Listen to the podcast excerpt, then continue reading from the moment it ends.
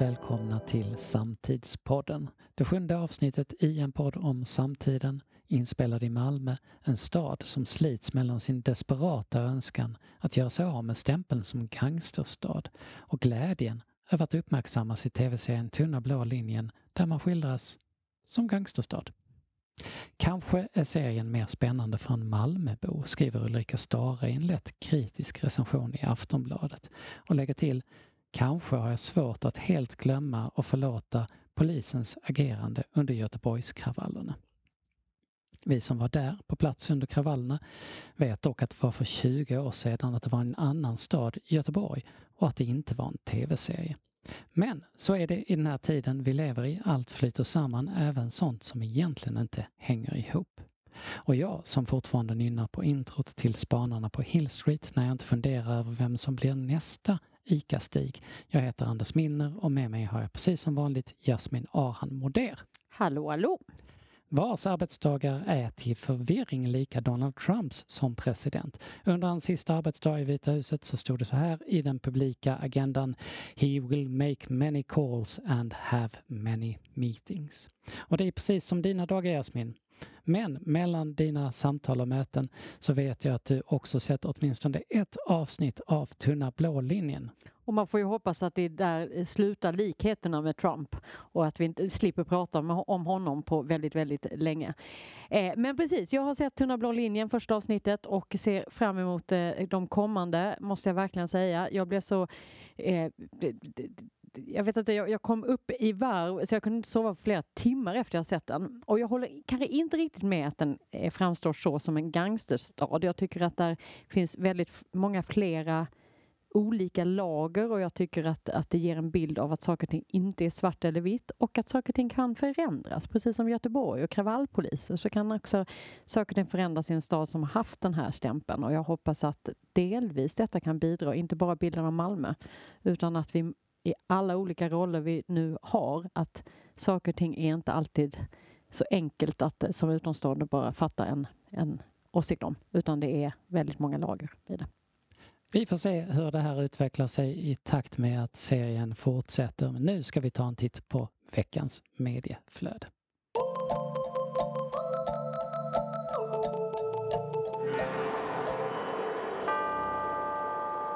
Det här är en del av podden där vi godmodigt gör vårt bästa för att simma motströms genom en fors av nyheter som flödat fram sedan förra veckan.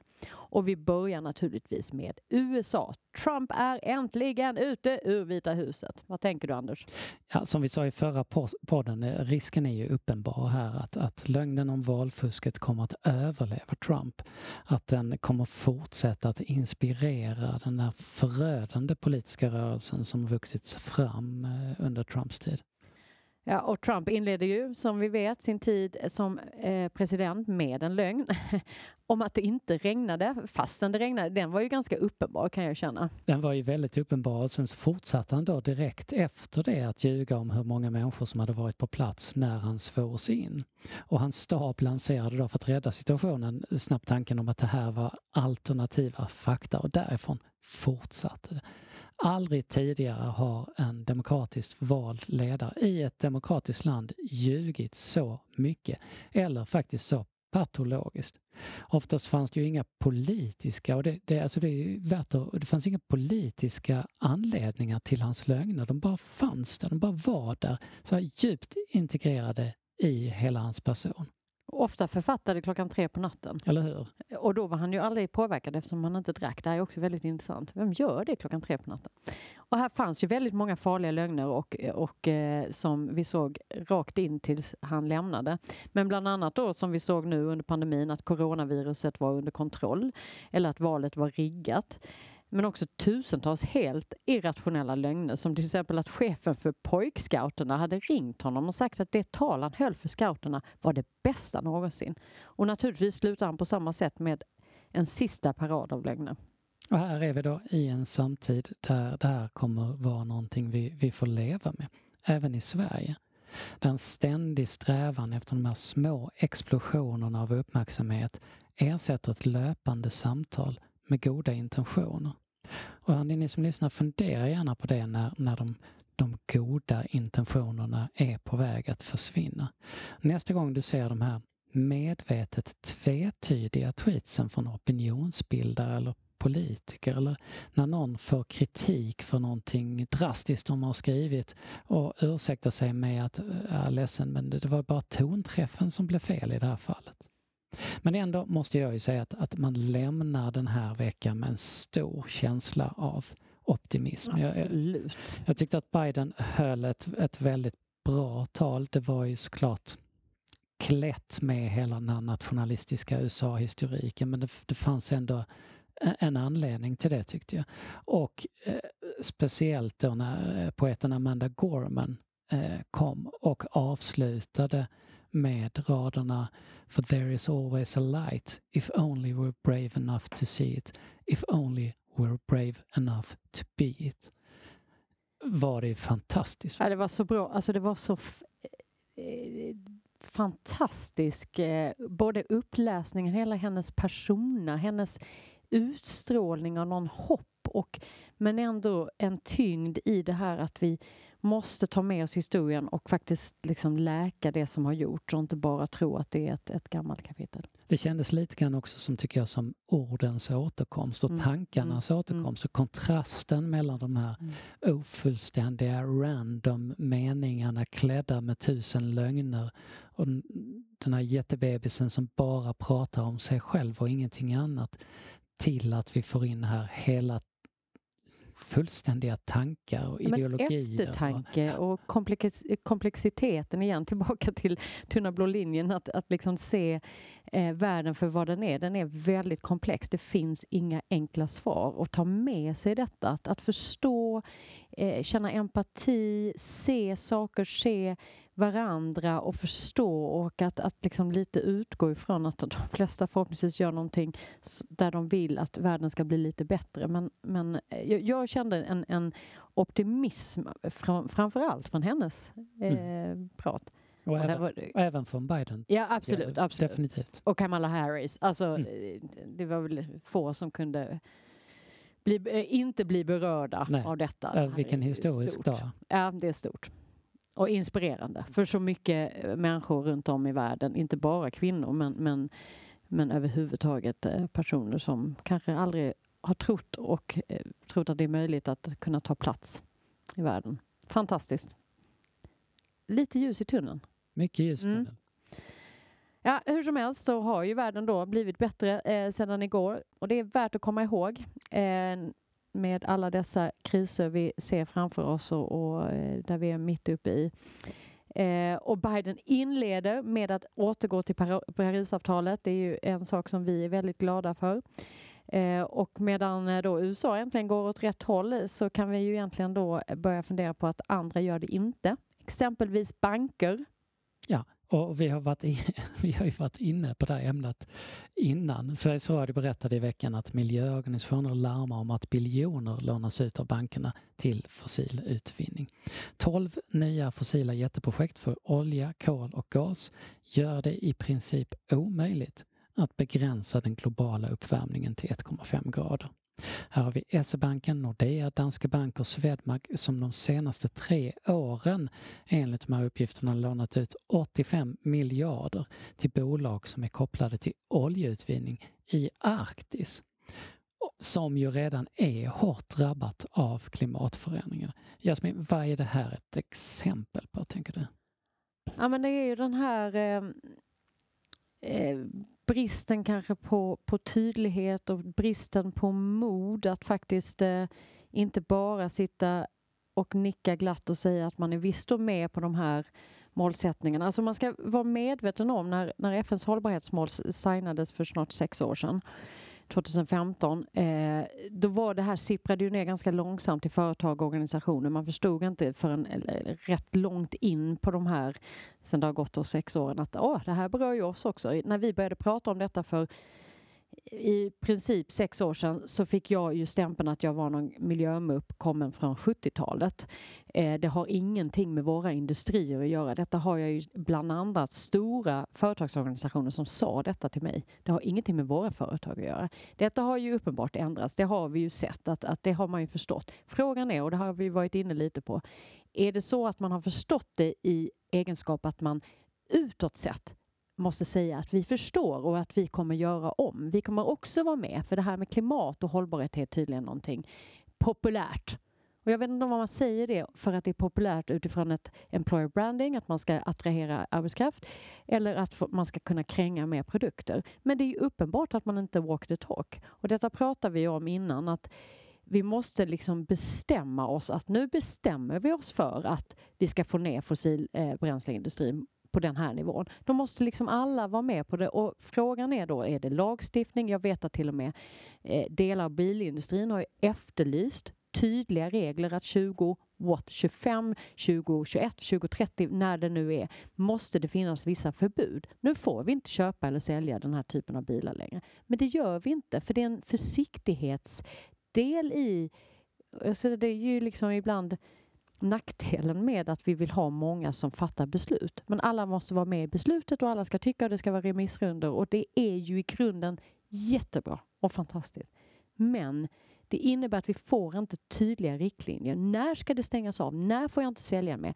Det tror jag är en av delarna här därför att det här är ju fortfarande en industri som används. Den eh, delvis behövs därför du har fortfarande inte kniven mot strupen på att du måste ändra energikällor. Så det är klart att ja, det, men det här ligger ju fortfarande en massa pengar och tickar. Eh, och jag vet om att till exempel när man tittar på, på, på fonder och så vidare och när man ska då pensionsfonder och andra, då ligger det ju flera olika investeringar i det. Och då har man sagt att ja, det är lite svårt för att man, man, det, här, det här går ju bra och det är ju bra. Det är ju dåligt om våra pensionspengar går dåligt för då om vi ska investera i någonting som inte är bra för våra framtida överlevnad ekonomiskt. Men om vi inte har en jord att leva på, då blir det ju problematiskt för det första. Och för det andra, ja, men då måste vi börja se vad är det som är ekonomiskt hållbart. Då måste vi tänka om hur vi värderar hållbara investeringar. Så det är så många delar i detta. Som och det är uppenbart att vi har inte svårt att hitta exempel på detta bara nu på, medan vi har varit igång i, i podden där i sjunde avsnittet så har vi haft exempel som du nämner med, med med pensionerna, vi har haft exempel med, med eh, livsmedelsbranschen och handeln, hur, hur jag som konsument ska kunna se vad, eh, vilka avtryck det mm. gör och hur man är, är, är emot det där.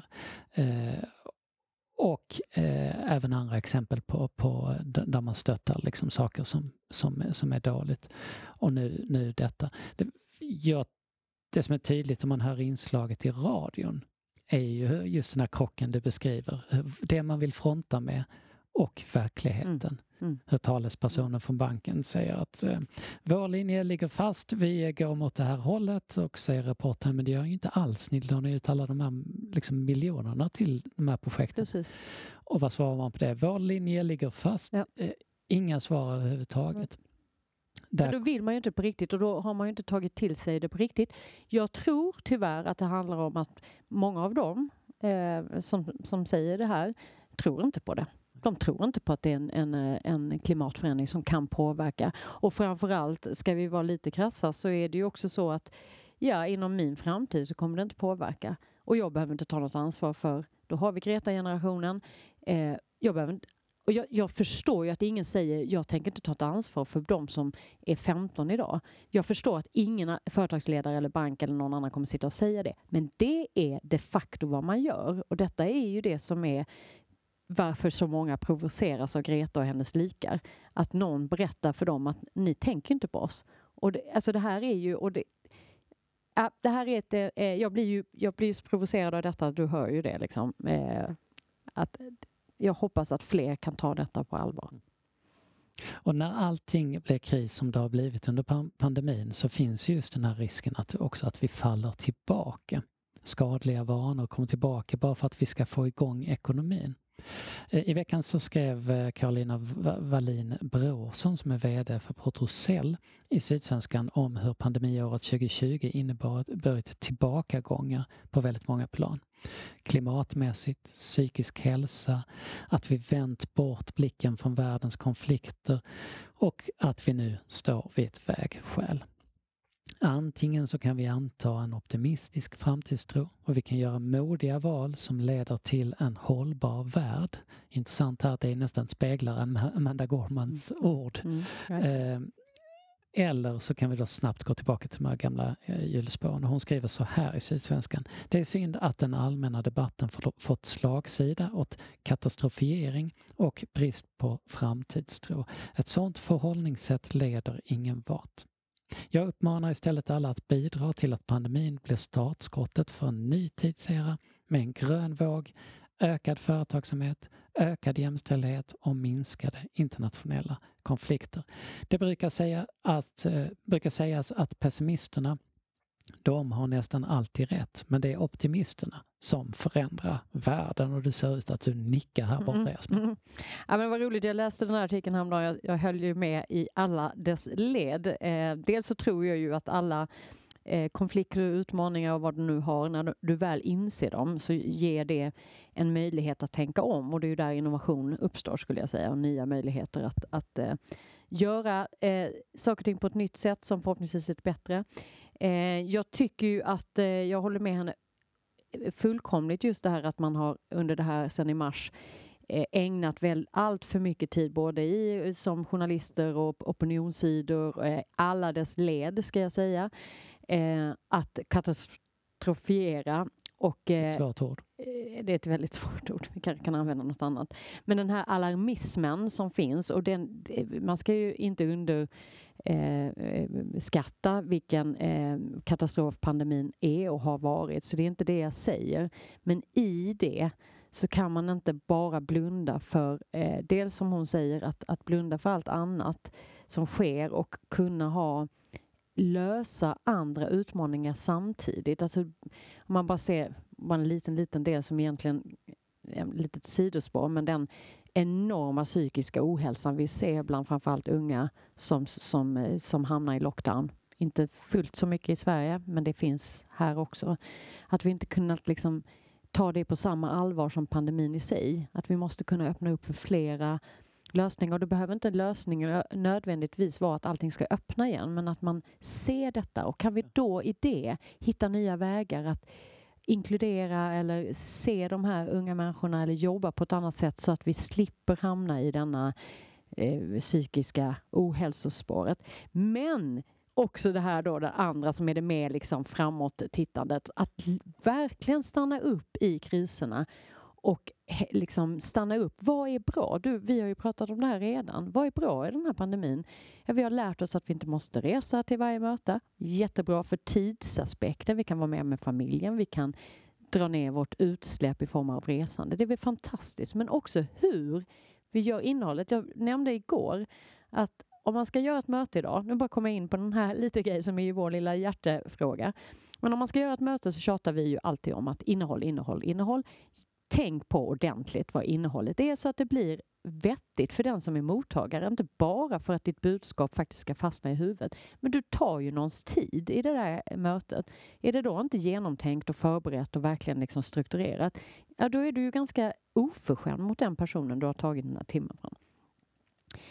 Nu när vi ser att vi måste göra om fler till digitalt så säger vi vi måste lägga ännu mer krut på innehållet. Vad händer när vi börjar gå tillbaks till fysiska möten. Om vi går på linjen att faktiskt eh, styra upp innehållet för att annars det, eh, blir det digitalt helt värdelöst att försöka göra någonting. Det innebär ju att vi förhoppningsvis på andra sidan kommer se en jäkla massa möten med mycket bättre innehåll. Det är ju fantastisk utkomst av det här. Hela Almedalen kanske fylls med riktigt bra grejer än där det bara är kanske några grejer som är bra och mycket som är mediokert. Och nyckelordet här är väl modet att våga göra annorlunda när man går tillbaka. Ja, och stanna upp i kriserna och inte bara stå i kriserna och tro att det bästa för oss är att de försvinner. Det är klart att vi vill att det här ska försvinna, men att man inte bara försöker bocka av det och sen nästan känna att allt vi gjorde under pandemin och kriser i alla dess slag bara var någonting nödvändigt ont utan faktiskt stanna upp i det och hämta med oss framåt. Och därmed lämnar vi veckans medieflöde.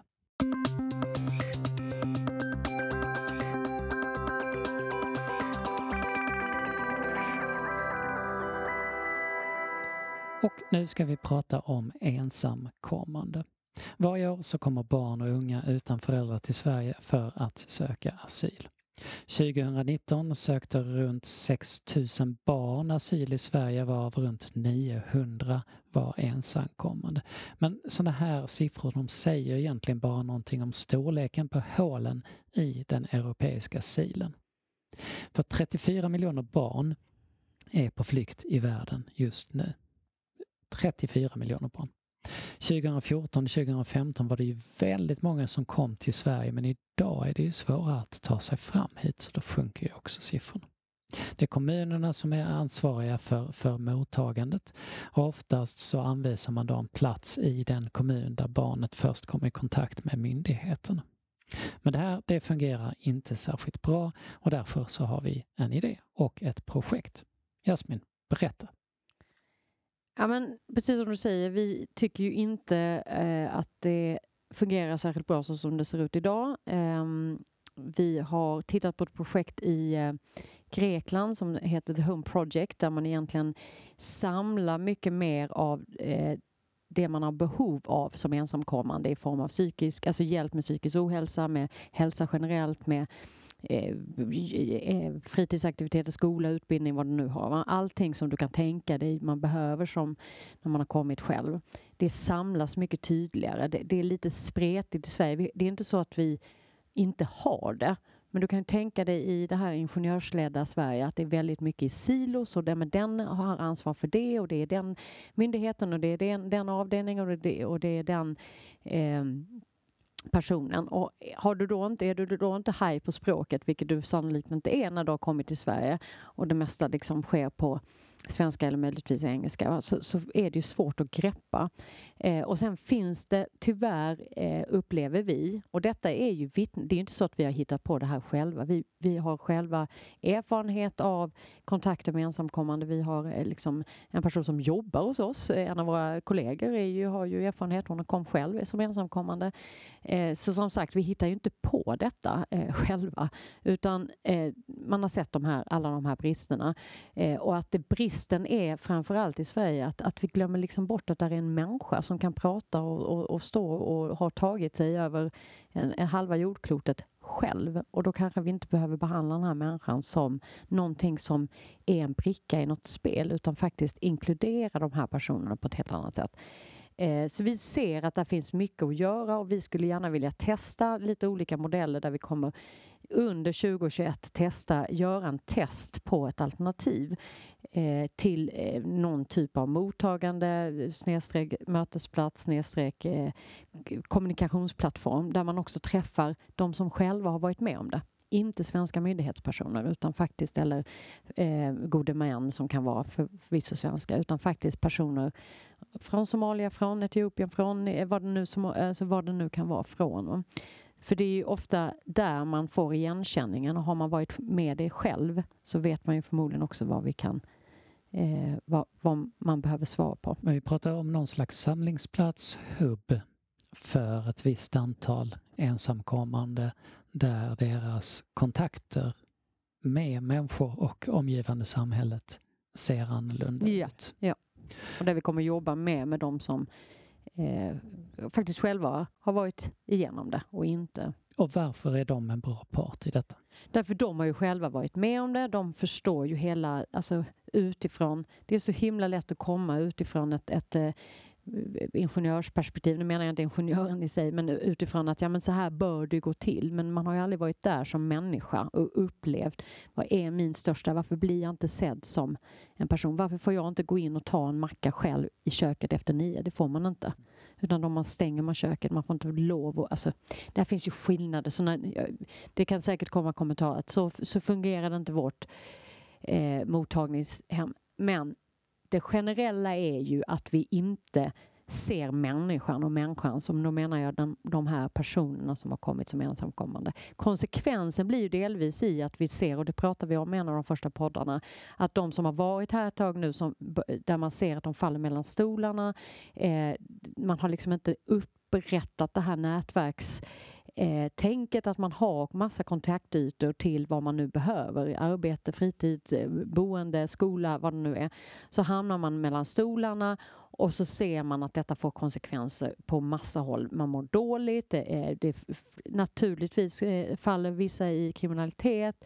Eh, ja, men du vet, det finns så mycket delar så vi måste lägga mycket mer krut på det initiala mottagandet för att då kan man också se, och jag ska inte säga nyttan, men att ju mer vi inkluderar personer tidigt så kommer ju också det innebära att vi får ju en skjuts av nya tänk, nya åsikter, nya tankar in i våra företag, organisationer och det ger ju i tur oss nya sätt att titta på innovationer och produktframställande eller vad det nu kan vara, service. Och, och var, det är en win-win. Mm. Och, och var, um vad händer i det här projektet just nu? Då? Ja, men nu, just nu så utreder vi ju lite eh, vad som ska göras och det gör vi genom eh, att försöka se på lite förstudier med personer som har varit igenom det eh, och verkligen förstå vad är det där, där systemet så att säga brister och kombinera det med benchmarking mot det här The Home Project i Grekland.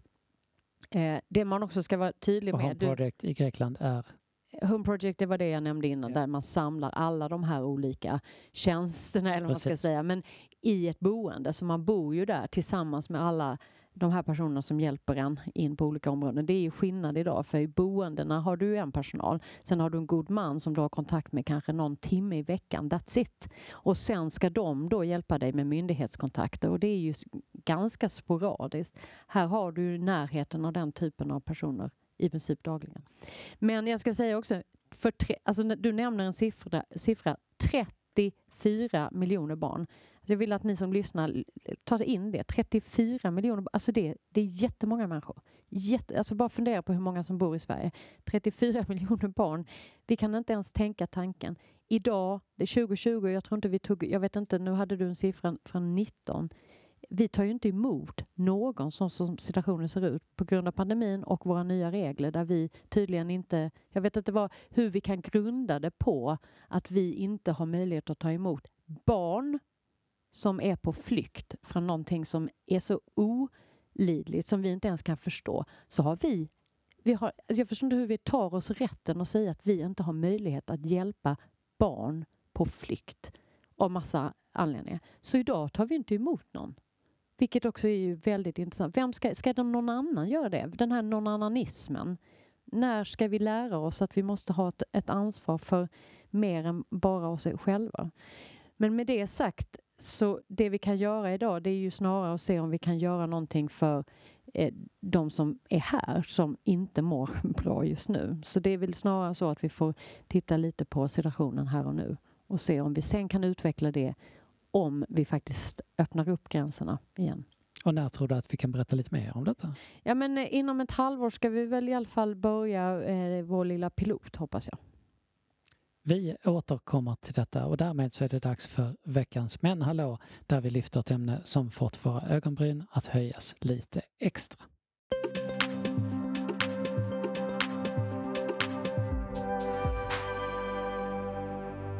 Och vi går tillbaka till USA för det här kan vi bara inte släppa. När Joe Biden svors in så fick vi höra Lady Gaga, Jennifer Lopez, Springsteen och Foo Fighters men också New Radicals. Minns du New Radicals, Jasmin? Ja, men absolut, framförallt när man hör låten så kan man ju känna att det, det, det är verkligen throw me back till 90-talet. Den är, det, det, är ju en mycket större hit än, än vad jag faktiskt mm. trodde. Alltså 222 miljoner spelningar på Spotify, vilket då är väldigt mycket från, från låt som kom 1998. De gav bara ut en skiva och det här var deras enda hit och den framförde de alltså efter installationen. Det är en positiv låt, den handlar om att man inte ska ge upp, vi tror på dig, följ ditt hjärta. Liksom. Det är också ett angrepp på banker och tomheten i hela den här liksom, kommersiella världen vi lever över. Men vi fick inte höra hela låten igår. Bandet hade klätt på sig precis samma kläder som de hade 98. Det var inte helt smickrade, man blivit lite äldre och blivit lite större, ganska mycket större. Eh, men, eh, och jag funderar, vad ska de göra med de avslutande raderna? Jag är en sån som läser texter nämligen. Avslutande raderna i den här låten lyder så här. Fashion shots with Beck, Beck and Hanson. Det här är alltså bandet Hanson. Ni får googla om ni inte minns. Courtney Love and Marilyn Manson. Det är också 90-talskändisar för er som inte känner till de här. En parad av 90-talskändisar. You're all fakes, skriker han. Run to your mansions. Come around. We will kick your ass in. Slutar hela låten. Eh, det här, den klippte de bort. Ja, de, de, de, han, han sjöng inte den biten helt enkelt. Så att Bidens budskap om enighet, om att vi nu är inne i en tid av läkande och återförsörjning som ju är himla fint. Ja, signalen är tydlig. Det här gäller även band från 1990-talet, bara så vi får det klargjort. Och det här var allt för oss idag. Det är fredag den 22 januari 2021 och den här dagen idag, 1840, så nådde engelska kolonisatörer fram till Nya Zeeland. 1942 anlände 450 barn från det krigsdrabbade Finland till Sverige och totalt skulle det komma 25 000 barn under det året. Värt att tänka på med tanke på vad vi pratade om tidigare. 1959 så gjorde Buddy Holly sina sista inspelningar ensam i sin lägenhet med en bandspelare och 1984 lanserade idag Apple sin ikoniska reklam som han spelade på 1984 och som var regisserad av Ridley Scott. Du har lyssnat på det sjunde avsnittet av Samtidsborden med mig, Anders Minner och med Jasmin Arhan Moder.